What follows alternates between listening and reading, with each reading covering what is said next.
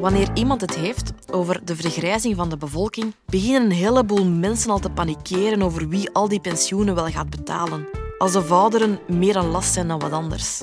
Of dat ook echt zo is, pluis ik graag voor je uit. Lisbeth de Donder, professor in de agogische wetenschappen. Jij komt het vandaag hebben over oudere mensen, maar vooral over de vraag of ze nog nut hebben in onze maatschappij. Ik ben dus heel benieuwd of ik straks zelf een doodsangst heb om oud te worden of net uitkijk naar mijn grijze haren. Welkom bij de Universiteit van Vlaanderen.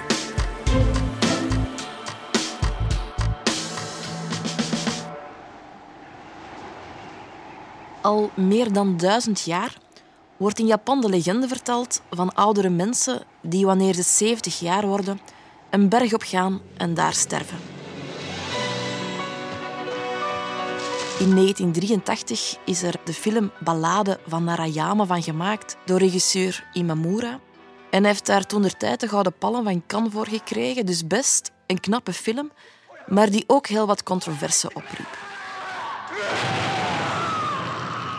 Waarom was die film nu zo controversieel? Wel, het verhaal speelt zich af in een arm bergdorp in Japan. En de traditie schrijft eigenlijk voor dat mensen, wanneer ze 70 jaar worden, zich de berg Nara op laten dragen door een familielid, waar ze dan achtergelaten worden om te sterven. En in de legende wordt de berg Obasuteyama genoemd. En Obasute is in Japan het woord voor gerontocide of senicide. Dat betekent het laten of doen sterven van zogenoemde onproductieve ouderen. En verhalen over gerontocide vinden we niet alleen in Japan, maar ook in Australië, India, maar ook dichter bij huis in Scandinavië. En waar het in Japan de leeftijd van 70 jaar was, ongeacht de fysieke of cognitieve toestand van ouderen, is het bij veel verhalen niet de leeftijd die belangrijk is, maar eigenlijk het kantelmoment wanneer ouderen niet langer kunnen helpen of zichzelf onderhouden. Bij sommige Inuitvolken zagen we dat heel duidelijk. Zolang een oudere vrouw zich nuttig kon maken door kleding van huiden zacht te kauwen, was ze een gewaardeerd lid van de gemeenschap. Maar als op een gegeven moment haar tanden afgesleten waren, pleegde ze zelfmoord. Wanneer ouderen geen betekenisvolle bijdrage meer kunnen leveren, lijkt hun verhaal te stoppen. En dan kan je de vraag stellen wat is dan een betekenisvolle bijdrage aan de samenleving? Een vraag die ook vandaag nog hyperrelevant is. En langs de ene kant kunnen we zeggen, oh, dat was lang geleden, dat doen we gelukkig niet meer. En toch kunnen we ons afvragen, hebben ouderen bij ons wel nut? Welke betekenisvolle rol moeten, kunnen, mogen ouderen opnemen in onze samenleving? En om die vraag te kunnen beantwoorden, wil ik er twee concepten uitnemen en even apart behandelen: betekenisvolle rol en ouderen.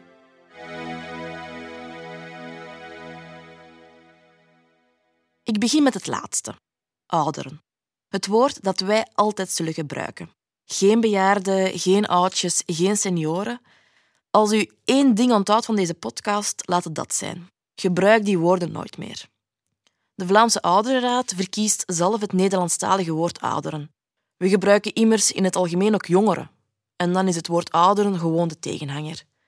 En zoals bij de jongeren kan ook in de term ouderen de dynamiek gezien worden.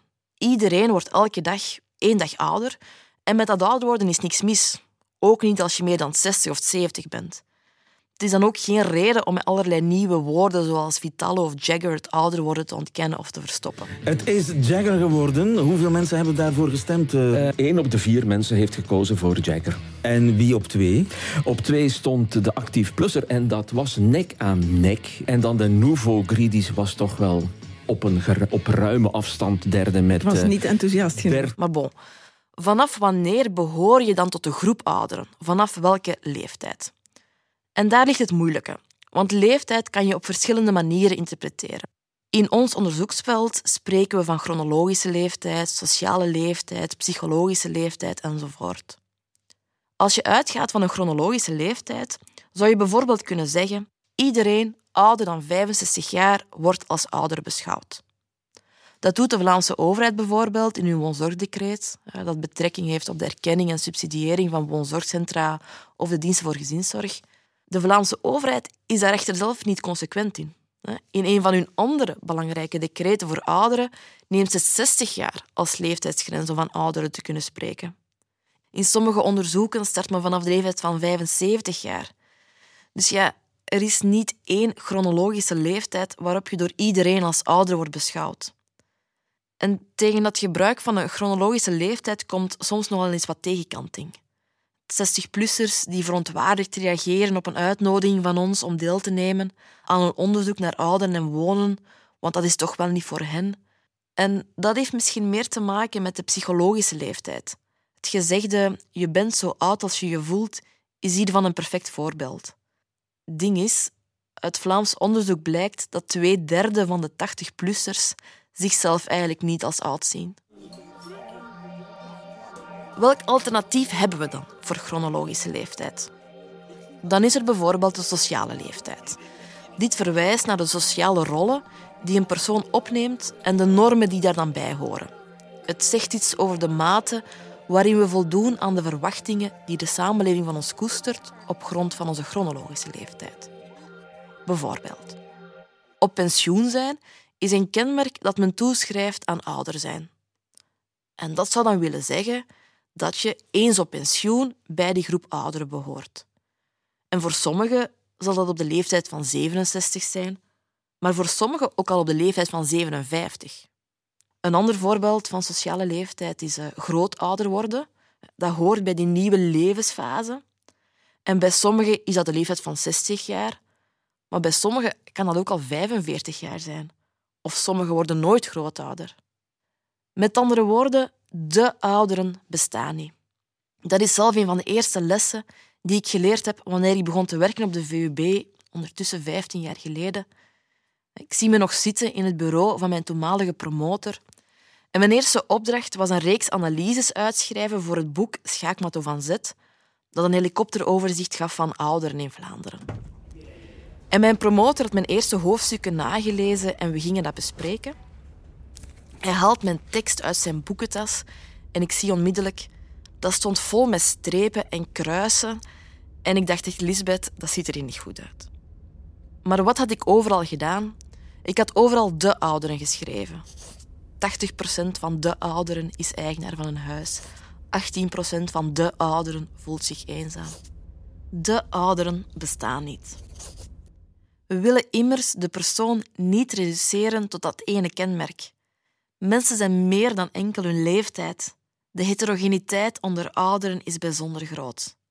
Ouderen verschillen op vlak van opleiding, inkomen, burgerlijke staat, maar ook door de verschillende levenservaringen, levenskeuzes die men doorheen de jaren gemaakt heeft. En toch blijkt die leeftijd zo essentieel in hoe wij als samenleving kijken naar en omgaan met ouderen. Ook wij, hier in Brussel, Vlaanderen, België, Europa, discrimineren ouderen. We gooien hen misschien nog niet letterlijk van een berg, maar figuurlijk gezien zijn ze vaak uitgerangeerd. We kijken negatief naar oud zijn, naar ouderen. En ouderen worden gediscrimineerd omdat ze oud zijn. Ageism heet dat. Zoals dat we racisme kennen of seksisme, is ageisme het proces van systematische stereotypering en discriminatie op basis van leeftijd. En in de academische wereld gebruiken we dat het vaakst als het gaat over negatieve discriminatie van ouderen. Maar op zich gaat het bij ageism om leeftijdsdiscriminatie. En dan kan dat evengoed over jongeren gaan. Ook jongeren hebben immers te maken met heel wat stereotypen. Ze zijn jong en onervaren, groen achter de oren. Ze zijn ongeduldig, egocentrisch, weinig respect voor anderen. Ze zijn lui. Men heeft het over rondhangjongeren. U hoort het.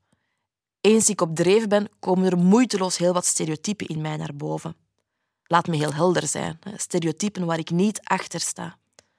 Maar toch, wanneer ik deze oefening met eh, mijn studenten doe, vraag ik hen om steeds negatieve en positieve stereotypen te zoeken, telkens voor ouderen en jongeren. Zo krijgen we vier categorieën. En het blijft me steeds verbazen dat binnen de tien minuten het hele bord vol staat. Bij elk van de vier categorieën gaat het makkelijk. Maar de categorie die het snelste volstaat, is deze categorie ouderen en negatief. Negatieve stereotype vooroordelen over ouderen zijn bijzonder talrijk aanwezig in ons dagelijks leven, in de media, in de samenleving. En die stereotypen kunnen individueel zijn. Oudere mensen zijn lelijk, rimpels, uitdunnend haar, hangend vel. Ouderdom beantwoordt niet aan ons hedendaagse schoonheidsideaal. Maar stereotypen kunnen ook van toepassing zijn op hun maatschappelijke rol, of eerder het gebrek aan hun maatschappelijke rol. Ouderen hebben bingo-namiddagen, taartnamiddagen, koffienamiddagen. Ze zijn niet meer productief en dragen niet meer bij onze samenleving. Integendeel, de samenleving moet er zelfs voor betalen. Wie gaat die pensioenen betalen? Wie gaat die ouderenzorg allemaal betalen? En het zijn vooral deze stereotypen die ik wil aanklagen.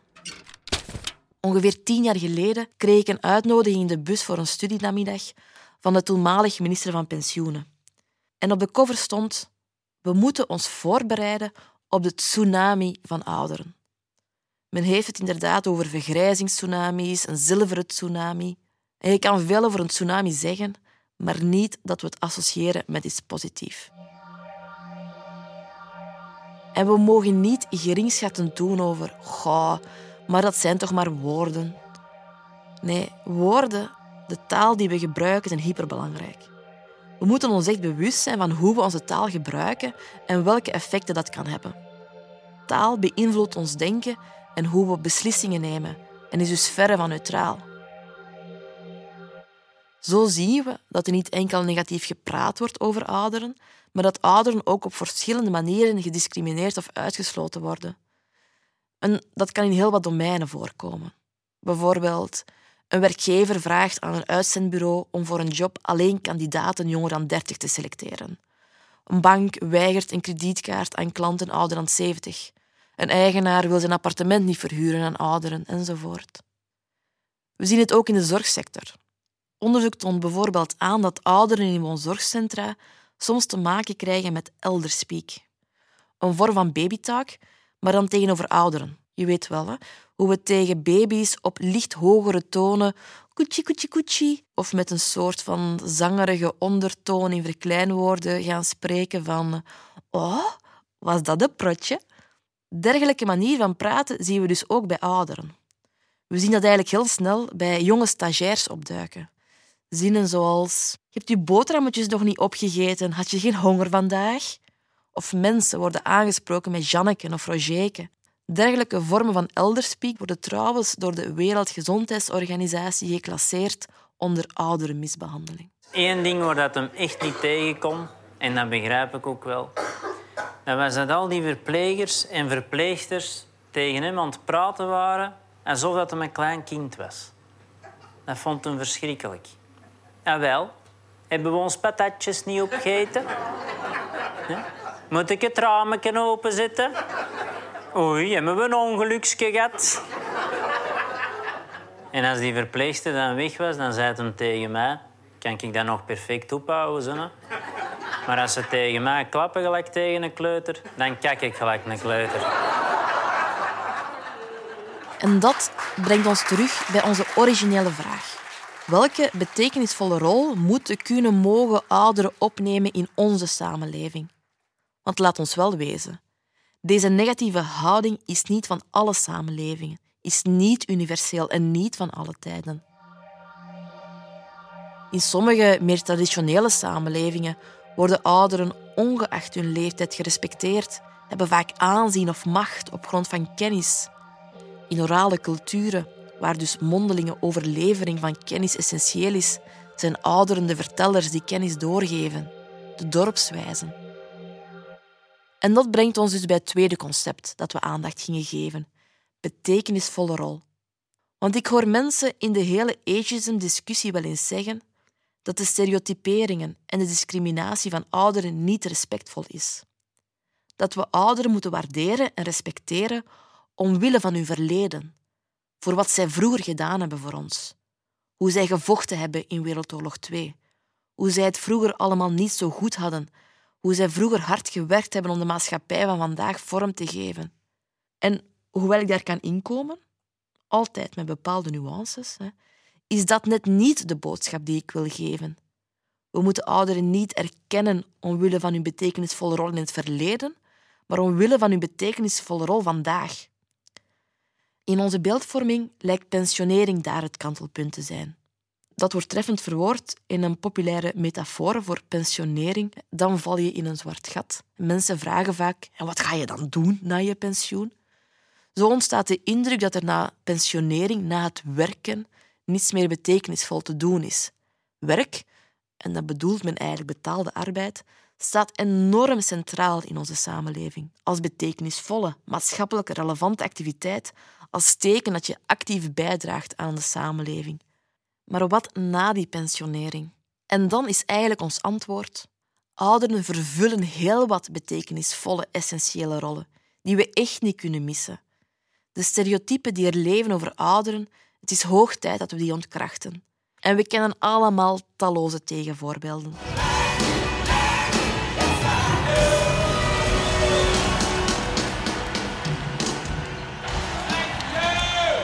Mick Jagger, die op 78-jarige leeftijd nog rondtoert met de Rolling Stones. Joe Biden is als president van Amerika op 79-jarige leeftijd ook nog niet echt aan het uitbollen. In het tv-programma Hotel Romantiek gaan ouderen op zoek naar liefde en intimiteit. Denk nog aan The Voice Senior of aan de vele ouderen die meedoen aan first dates enzovoort.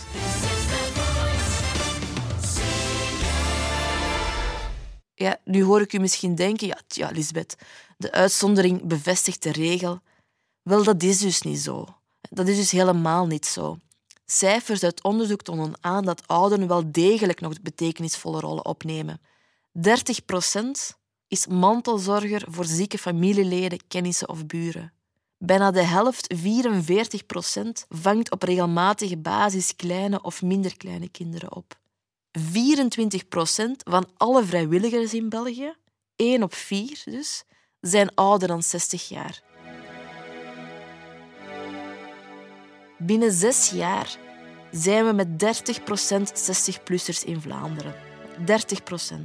In plaats van ons af te vragen wie gaat die pensioenen betalen, kunnen we ons als samenleving eerder niet afvragen hoe kunnen we die geweldige bron aan potentialiteit inzetten wat een grote groep mensen, wat kracht kan dat wel zijn? En hoe willen wij daar als samenleving mee omgaan? Schuiven wij aan de kant in dat zwarte gat? Of erkennen we hun essentiële rol in onze buurt, gemeenten, als vrijwilliger in het lokale dienstencentrum? En zullen we daarop inzetten?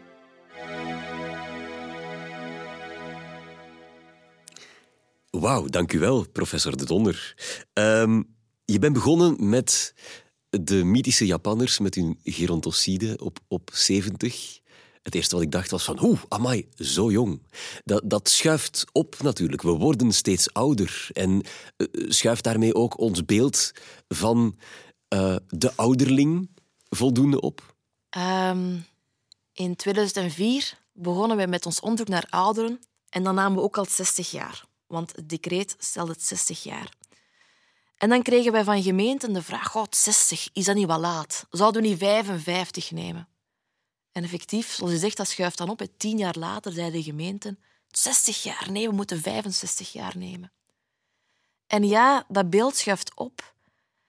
Maar dat ageism, die negatieve stereotypen, blijven wel. Hè. Waar het misschien vroeger de leeftijd 55 of 60 jaar was, dat me associeerde met al die negatieve beeldvorming over ouderen, is dat misschien nu 70 of 75.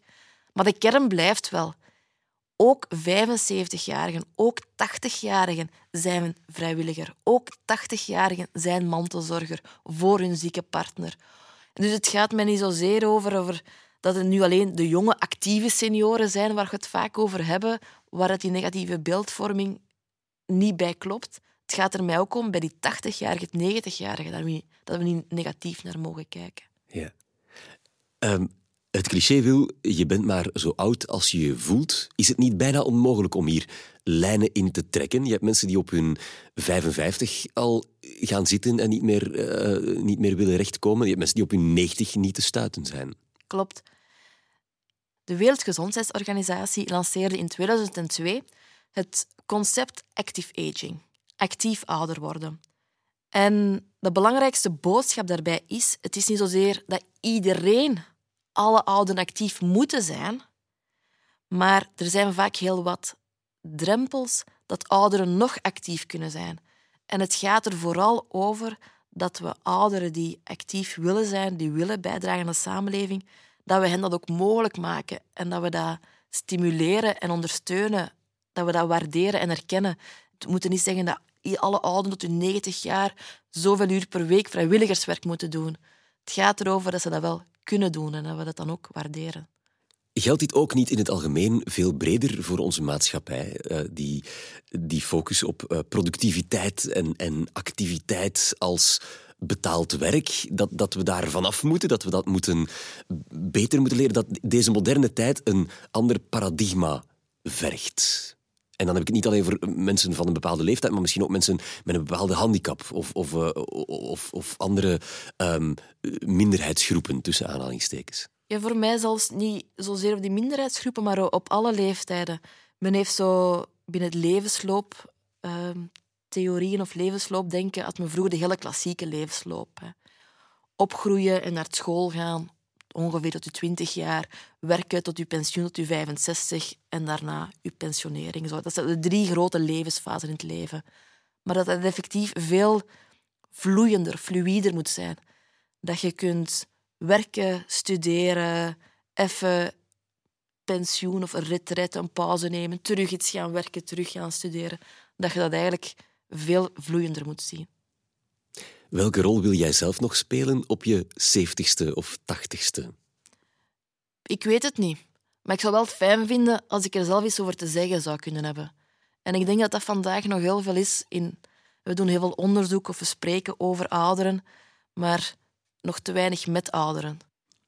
Dankjewel, professor Lisbeth de Donder. Ik ben vooral blij dat we eh, niet alle gepensioneerden massaal moeten afschrijven. Doe dat nooit meer. Maar of je nu zilveren haren hebt of nog groen achter de oren bent, deze podcast is gemaakt voor iedereen. Dus zet alvast een volgende aflevering klaar. Heel graag tot daar of tot een volgende keer.